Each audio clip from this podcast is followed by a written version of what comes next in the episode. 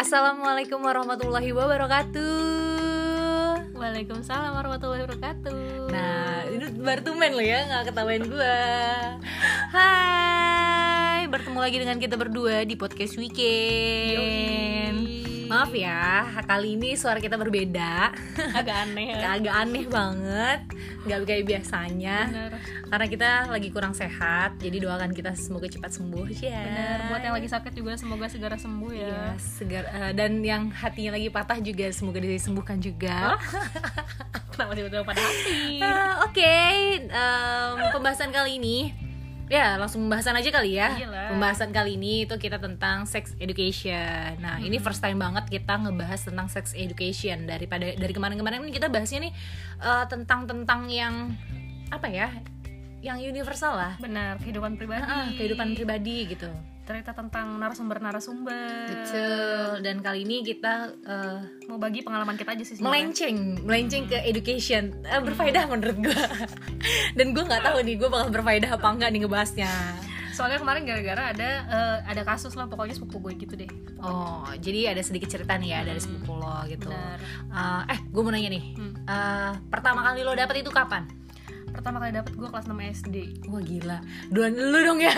Iya karena itu juga nggak sengaja sih bukan nggak sengaja Jaya. Kayak yang ih apa nih? Gitu. Oh lu kagetnya gitu doang? Iya pertama kali tuh kayak eh, jadi gue tuh belum pakai kerudung sampai gue mens. Oh. Jadi kan aneh ya Hmm. Em, apa pas mens jadi gue harus langsung pakai kerudung. Gue tuh mikirnya gitu karena memang harus langsung tutup aurat mikirnya gitu. Ah. karena langsung nampung dosa sendiri Ah, kan iya istilahnya benar. kayak gitu. Jadi waktu itu waktu mens pertama kali langsung panik kayak udah besok pakai baju apa? Bingung ya. Nggak penting banget anjir. Nggak penting.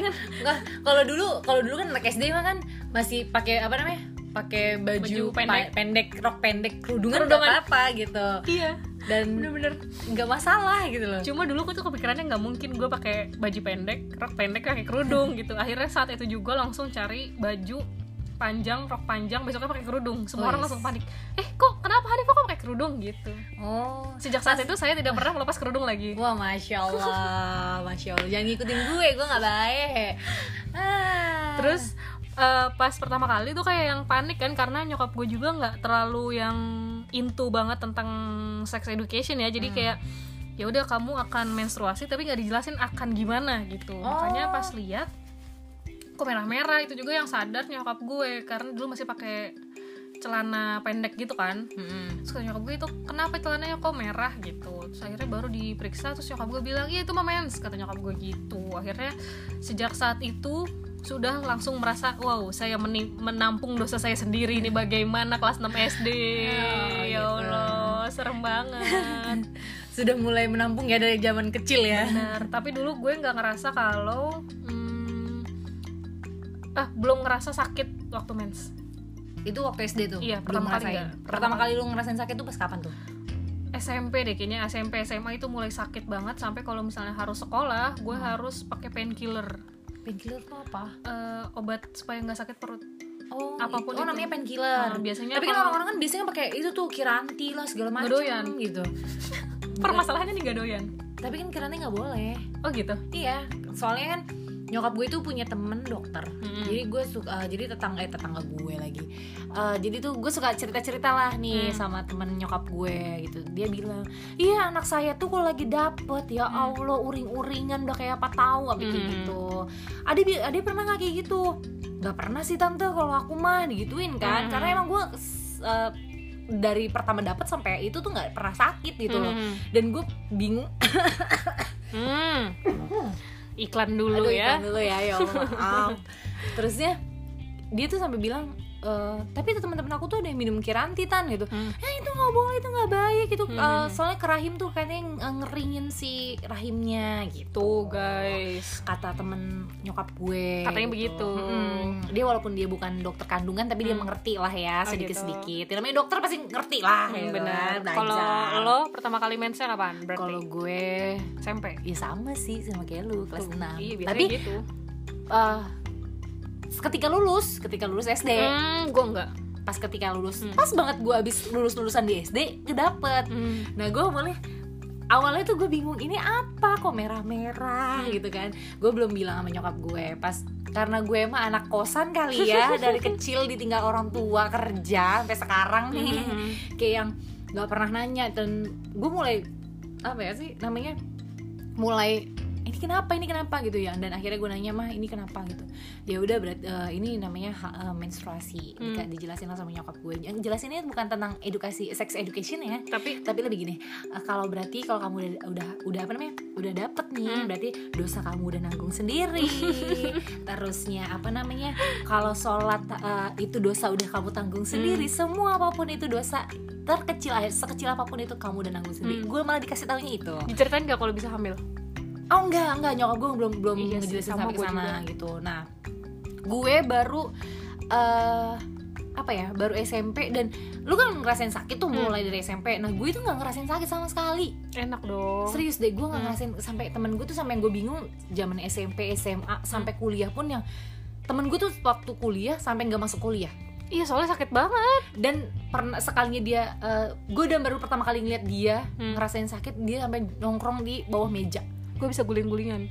Kalau di kampus-kampus kan mejanya eh, satu Oh, kursi iya, satu meja ya. Maaf kalau gue emang meja kantor. Oh Jadi dia- bisa ke bawah ya? Hmm, di ke bawah gitu sampai itu dia perasaan full deh ini anak-anaknya kok tinggal nggak ada satu ini Hmm. nih pak anaknya di bawah gitu. Gitu megangin perut tuh sampai bener-bener sampai nangis. Iya nggak bisa. Sakit itu emang gimana sih? Gue nggak pernah ngerasain gitu. Hmm. langsung sampai? Sampai dan akhirnya setelah gue kuliah gue merasakan sakit itu. Oh gitu. Sumpah. Sakit kan nggak kalau gue nggak sakit banget sih cuman kayak Oh, yang mulus ngilu. gitu doang ngilu-ngilu gitu ya Heeh, mulus kayak mau kentut gue nggak bisa bener bener bener gue mau empuk juga nggak bisa tapi Mhm. kok sakit perut gitu. Eh, langsung ternyata keselang berapa eh, keselang beberapa jam doang langsung dapet kayak gitu oh jadi sebelum sebelumnya Sakit. nah terusnya pas udah udah keluar nih Hmm. udah, udah udah apa sih udah mens hmm, ya, hari itu juga langsung sakit tapi besok udah enggak iya memang. Iya gue juga gitu.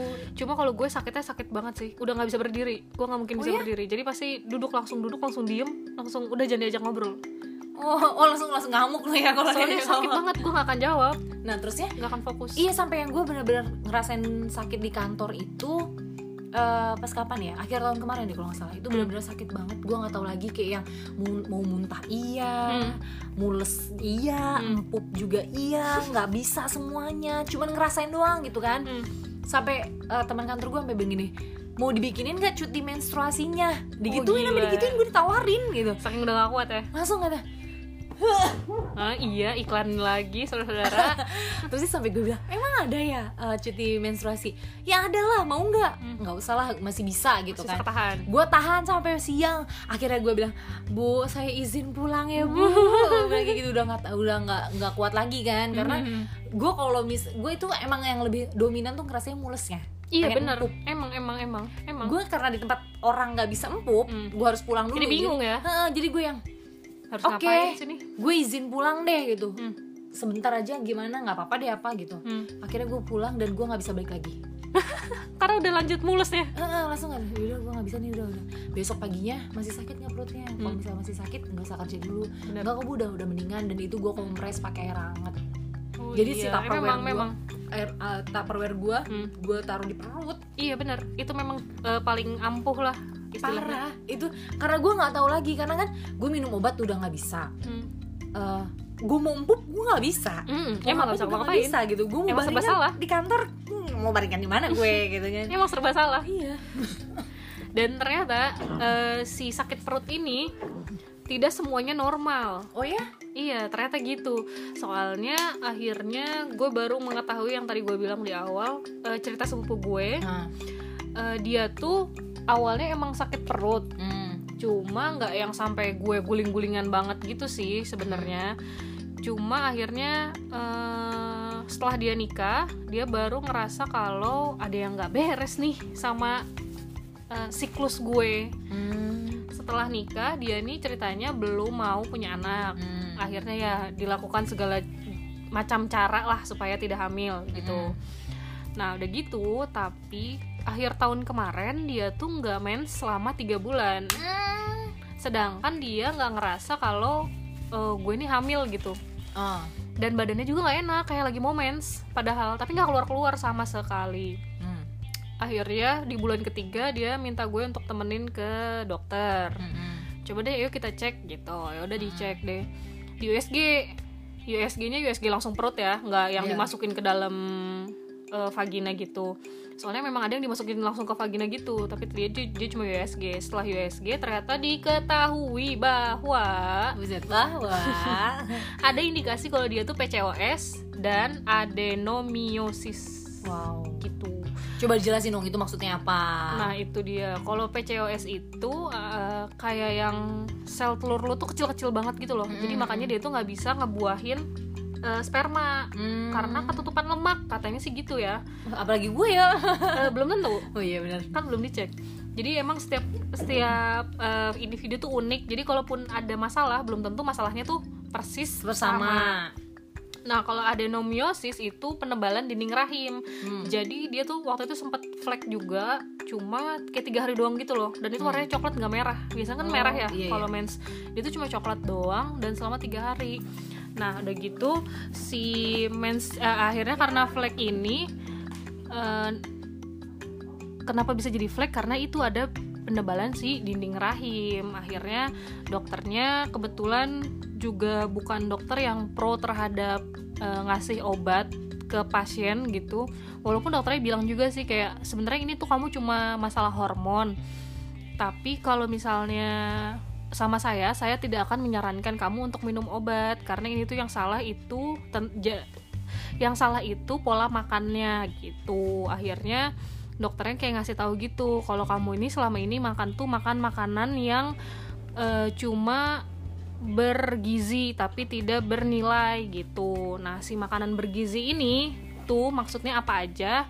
Jadi makanan bergizi ini tuh makanan-makanan yang sains gitu, kayak karbohidrat, protein, mineral, vitamin dan lain-lain. Nah, itu tuh masuk ke makanan bergizi, tapi makanan bergizi itu belum tentu bernilai. Jadi makanan bernilai itu makanan-makanan yang dari alamiah. Iya dari dalam tanah gitu tum- tumbuhnya kayak umbi-umbian, padi segala macam. Nah kalau itu tuh makanan bernilai. Nah makanan bernilai itu pasti makanan yang bergizi. Tapi makanan bergizi belum tentu bernilai. Misalnya kayak kalau kita makan burger, Hmm. burger itu bergizi karena dia ada karbohidrat, ada protein, ada mineralnya juga mineralnya juga, ada sayur-sayurannya juga kan gitu. Itu tuh sebenarnya bergizi tapi dia tidak bernilai karena dimasaknya secara eh, fast food gitu. Makanya dia nggak sehat. Nah, Hmm. kebetulan sepupu gue ini kayak kebanyakan makan makanan fast enak. food Yes. Bukan cuma fast food, tapi makanan enak juga gitulah Hmm. pokoknya. Sama lah kayak kita-kita gini anak muda siapa sih yang nggak suka nongkrong di tempat fast food, di restoran-restoran kayak males banget gak sih makan di rumah yang harus eh, makanan yang itu itu aja gitu nongkrong kan pasti makan keluar gitu ya Mm-mm. nah itu tuh yang nyebabin eh, dia itu ada indikasi PCOS dan yang tadi itu Hmm. tapi setelah kayak eh, apa makannya dibenerin Mm-mm. dua minggu dia langsung mens lagi gokil Wis, banget gokil. itu dokternya gila sih keren banget shout out dokter Maximus anda keren banget yang mau promil juga bisa ke dia karena banyak yang berhasil katanya promil ke dia. Ada di Bandung coba aja cek di Google dokter Maximus tuh praktek di mana boleh di rumah sakitnya juga di Boromius ini bukan promosi. bukan promosi tapi emang keren banget dokternya gitu. menyarankan buat teman-teman semua yang ingin Heeh. promil ke situ sih. Benar atau ada masalah di rahim masih belum nikah juga coba aja deh datang ke sana tapi soalnya gue nggak berani loh. Eh, tapi takut jadi tapi bener, bener sih takut sih. Tapi jadi penasaran loh Iyalah. kayak sebenarnya rahim gue sehat gak sih? Mm-mm, atau gue tuh salah apa gitu? Nah kalau sepupu gue ini akhirnya disarankan untuk memben- ngebenerin pola makan dan ada pantangan makannya. Yang dia nggak Hmm. boleh itu cumi cabe coklat mm, ayam ayam, Ayam ras. telur ayam ras sama lupa apa satu lagi. Ya pokoknya itulah ya. Pokoknya itulah akhirnya.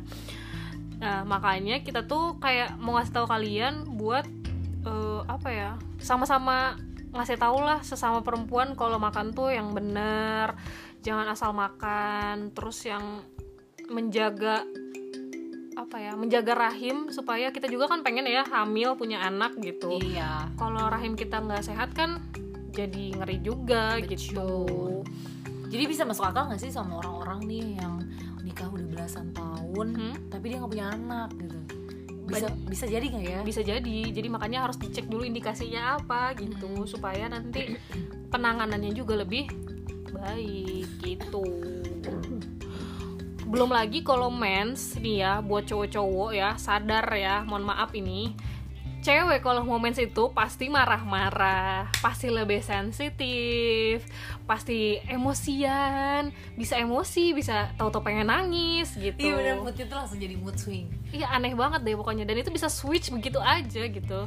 Dan ya itulah kelebihan perempuan tuh gitu. Iya, tapi emang Istimewa loh. Tapi itu emang sains loh. Jadi kita tuh eh, mood kita tuh akan naik naik drastis kalau kita udah mendekati masa ovulasi. Makanya kita tuh sering emosi eh, gampang sensitif lah sama sesuatu gitu yang suka marah-marah lah segala macam jadi mohon maaf lahir dan batin bagi semua orang yang ya udahlah maklumin aja gitu ya. Ya nggak usah ngedumel gitu. Heeh, soalnya kita juga ngerasain sakit cuy. Kita juga nggak mau sebenarnya. Iya. tapi ya gimana? Eh tapi btw kalau ngomongin masalah kayak sepupu lo nih ya Hmm. eh, telat tiga bulan kayak Hmm. gitu. Gue pernah ngerasain telat mens sampai dua bulan. Ya tapi kan lo sakit waktu no no no no nggak. Sebelum sakit. Oh gitu? Iya serius. Terus? dari zaman SMP SMA oh. SMA sampai gue yang eh, gila eh enggak eh, SMA selesai SMA selesai SMA gue itu bisa dapat tuh dua bulan sekali. Oh gitu? Serius. Sampai yang anjir gue nggak dapet dapet sampai temen-temen gue wah lu hamil lu hamil lo gitu. Padahal di posisi gue gue hamil sama siapa? Perasaan nggak ngapa-ngapain. gue nggak ngapain-ngapain kan gitu. Hmm. wah lu hamil lu hamil lo terus nanti pada bercandaan lagi hamil anggur lah apa anjir lah, ya Allah gila. nauzubillah min zalik deh ya. Bener-bener tuh sampai dua bulan tuh gue udah nggak pernah nggak dapet gitu sampai yang sampai gue bingung ini kenapa ya Hmm. kenapa ya gitu tapi jadi kayak dua bulan eh, sekali dapet nanti normal lagi nanti kayak gitu lagi Hmm. normal lagi gitu lagi gitu Nah itu siklus mens juga kan kita juga tahu sendiri kayak ada yang teratur, ada yang enggak, ada yang keseringan malah, ada yang sampai lebih dari seharusnya gitu. Yang repot kan kalau keseringan. iya Kalau keseringan kan jadi kayak, ini gue sholat gak sih? Iya. dan ada juga tuh yang dapat sebulan bisa dua kali Iya. Sebenarnya itu baik gak sih Iya, tetap itu juga harus harus diperiksa sih. Kayak lo yang yang jarang, yang jarang juga perlu diperiksa, apalagi yang sering. Jadi sebenarnya yang sering atau yang sakit banget itu tuh indikasi kalau lu tuh sebenarnya harus ke dokter, coy. Iya, lo harus memeriksakan diri lo tuh kenapa Iya, gitu. sedangkan gue juga takut sih. Iya, makanya gue nggak berani walaupun lo bilang itu tuh bagus banget. Iya, gue walaupun sebagus-bagus itu dokter juga gue belum berani gitu. iya sih, gue juga sebenarnya takut walaupun ya itu karena gue juga ngerasa kalau gue sakit kebaikan, banget. Ah, ah, sebenarnya. bener bener bener mungkin nanti ya kalau sudah saatnya gue akan berani datang ke sana untuk ngecek. Ajak-ajak gue ya. Bener. nah, gue juga mau kasih tahu sedikit nih tentang yang eh, ini pengetahuan gue aja ya. Hmm. Kalau lo le- mens lebih dari 15 hari Eh, itu tuh lo wajib namanya mandi eh, mandi junub yang setiap sholat Maksudnya? jadi kalau misalnya lebih dari 15 hari itu tuh bukan mens Oh iya, tapi dasar penyakit, Mm-mm. kalau udah penyakit berarti lo harus eh, mandi besar setiap mau sholat Oh gitu, jadi mandi besar. Jadi kita kayak mau sholat zuhur, kita mandi dulu. mandi dulu Asar mandi, mandi mandi dulu. dulu gitu ya terus jadi sampai mens lo udah nggak keluar Oh, gue baru baru tahu ini. Jadi misalnya eh, di antara zuhur dan asar lu nggak keluar mens berarti lu nggak sholat nggak usah Hmm. usah sholat mandi. Hmm. nggak usah mandi lagi ha-ha. tapi nanti Tapi dari asar ke maghrib keluar. keluar berarti lu mandi lagi udah Oh, terus aja kayak gitu, Oh iya, iya. sampai bersih nah indikasi bersih juga jadi gini kalau setahu gue ya eh, ngitung lo udah bersih atau enggak lo udah siap sholat atau enggak gitu ya Hmm. jadi dihitungnya eh sorry ya buat yang non Islam gitu ya Eh, jadi yang buat agamanya Islam setahu gue sih lo indikasi bisa sholat atau enggak itu dihitung dari tiga sholatan Maksudnya? jadi misalnya gini eh, lo mens nih udah tujuh hari misalnya gitu ya itu tuh udah di subuh nah subuh tuh masih kayak coklat coklat gitu Mm-mm. lo lihat nanti zuhur sama asar kalau hilang berarti lo sholat Oh, kalau gue Hmm. gini. eh, hari ini udah nih udah selesai. Hmm. Gue mandi mandi besar dong sorenya gitu. Biar maksudnya biar maghrib gue sholat atau ma- isanya gue sholat gitu. Tapi gue nggak sengaja gue nggak sholat nih. Hmm. gue eh, sengaja nggak sholat kalau misalnya gue mandi wajib di sore eh, di asar mag- eh, isya maghrib gue nggak sholat Hmm. jadi gue auto- otomatis subuh gue mandi dulu mandi besar lagi baru gue sholat Hmm. gitu walaupun di sore gue udah mandi Hmm. kalau nah terusnya kalau misalkan gue mandi wajibnya udah di zuhur tetap kayak gitu juga gue masih ngeliat dulu asar si, ma- si asar si maghrib si isa masih keluar atau enggak subuhnya baru gue gitu kalau gue gitu jadi setahu gue sih gitu emang eh setahu gue dalilnya gitu ya Heeh. setahu gue oh, jadi berarti gue benar dong ya padahal gue baru tau ini loh Iya, jadi setahu gue dalilnya gitu. Jadi bisa juga kalau mau langsung kayak gitu atau eh, sebenarnya darah-darah coklat itu itu tuh kan udah bukan darah ya. Mm-mm. Kayak cuma sisaan gitu loh. Heeh. Kayak Ya, keringatnya itu, doang. itu wajib atau itu jatuhnya eh, najis apa bukan Enggak. Kenapa Eh, ya najis. najis Kalau najis berarti, najis. berarti kita harus mandi lagi Eh, ganti celana dalam aja. oh nggak usah mandi lagi Gak usah mandi lagi. oh Sebenarnya ada juga yang ngomong gitu karena kan itu sisa ya. Jadi ceritanya rahim ini udah habis nih sebenarnya, tapi tinggal keluaran sisa-sisanya dan itu bukan darah.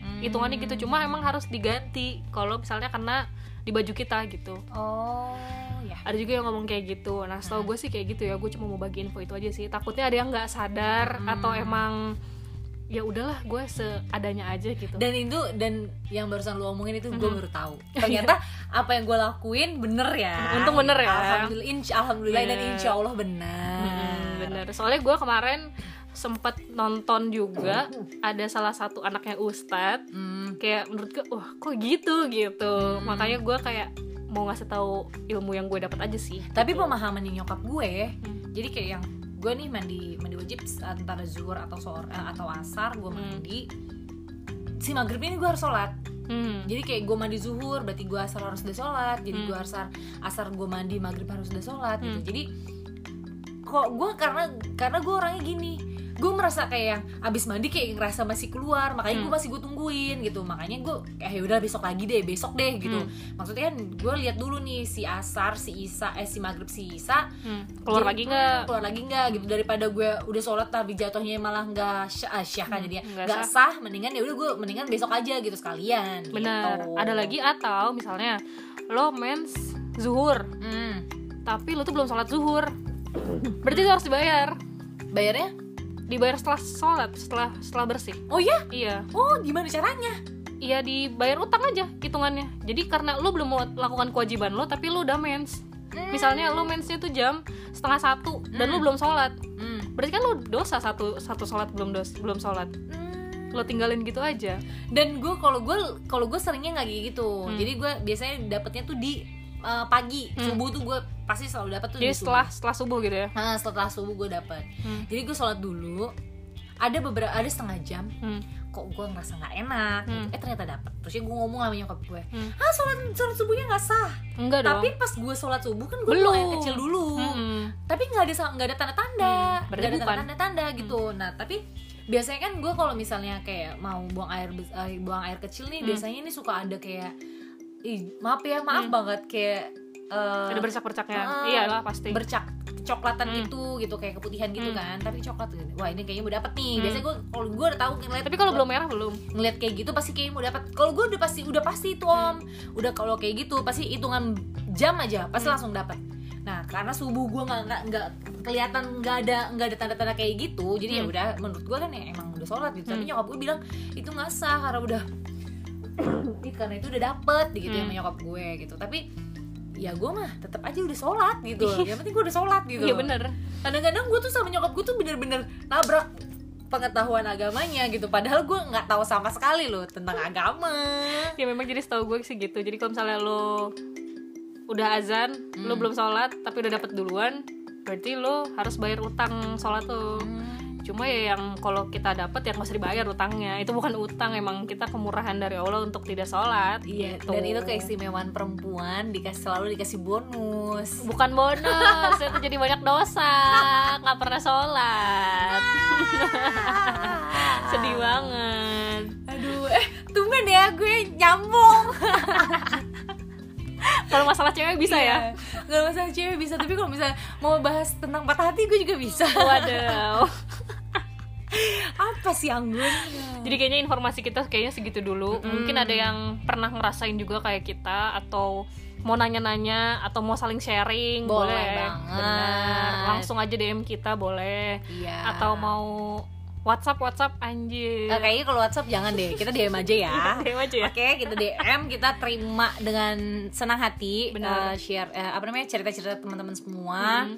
Kita eh, insya Allah kita akan merespon teman-teman semua ketika teman-teman semua ingin bertanya kepada kita Benar. ini berasa ke dokter kan iya gue. berasa jago banget ya semoga bermanfaat Bener. sih uh, episode kali ini semoga bermanfaat tentang sexual educationnya Uh, buat teman-teman yang merasakan hal yang sama seperti sepupunya Hanifah Hmm. semoga disegerakan uh, lancar kembali atau Iya. dapat anak iya ya benar sebenarnya gitu. benar, sebenarnya kan benar, ada dua kemungkinan kan Hmm. seperti itu Hmm. gitu. Setuju. Jadi buat cowok-cowok juga sorry ya. Ha-ha. sekarang pembahasannya tentang cewek. Tapi Iya. kali aja anda anda bisa lebih aware dengan hormon cewek. Yang begitu. Kalian kalian tuh gak tahu rasa sakitnya kayak apa. Karena mood perempuan itu kadang di atas kadang turun kadang tengah-tengah kadang nggak ada sama sekali. Benar. Jadi mohon ma dimaklumin sih. Iya, dimaklumin diwajarin iya gitu. benar benar benar benar benar Eh, kayaknya segitu dulu buat episode kali ini. Oke. Thank you yang udah dengerin. See you on the next week. Wassalamualaikum warahmatullahi wabarakatuh. Waalaikumsalam warahmatullahi wabarakatuh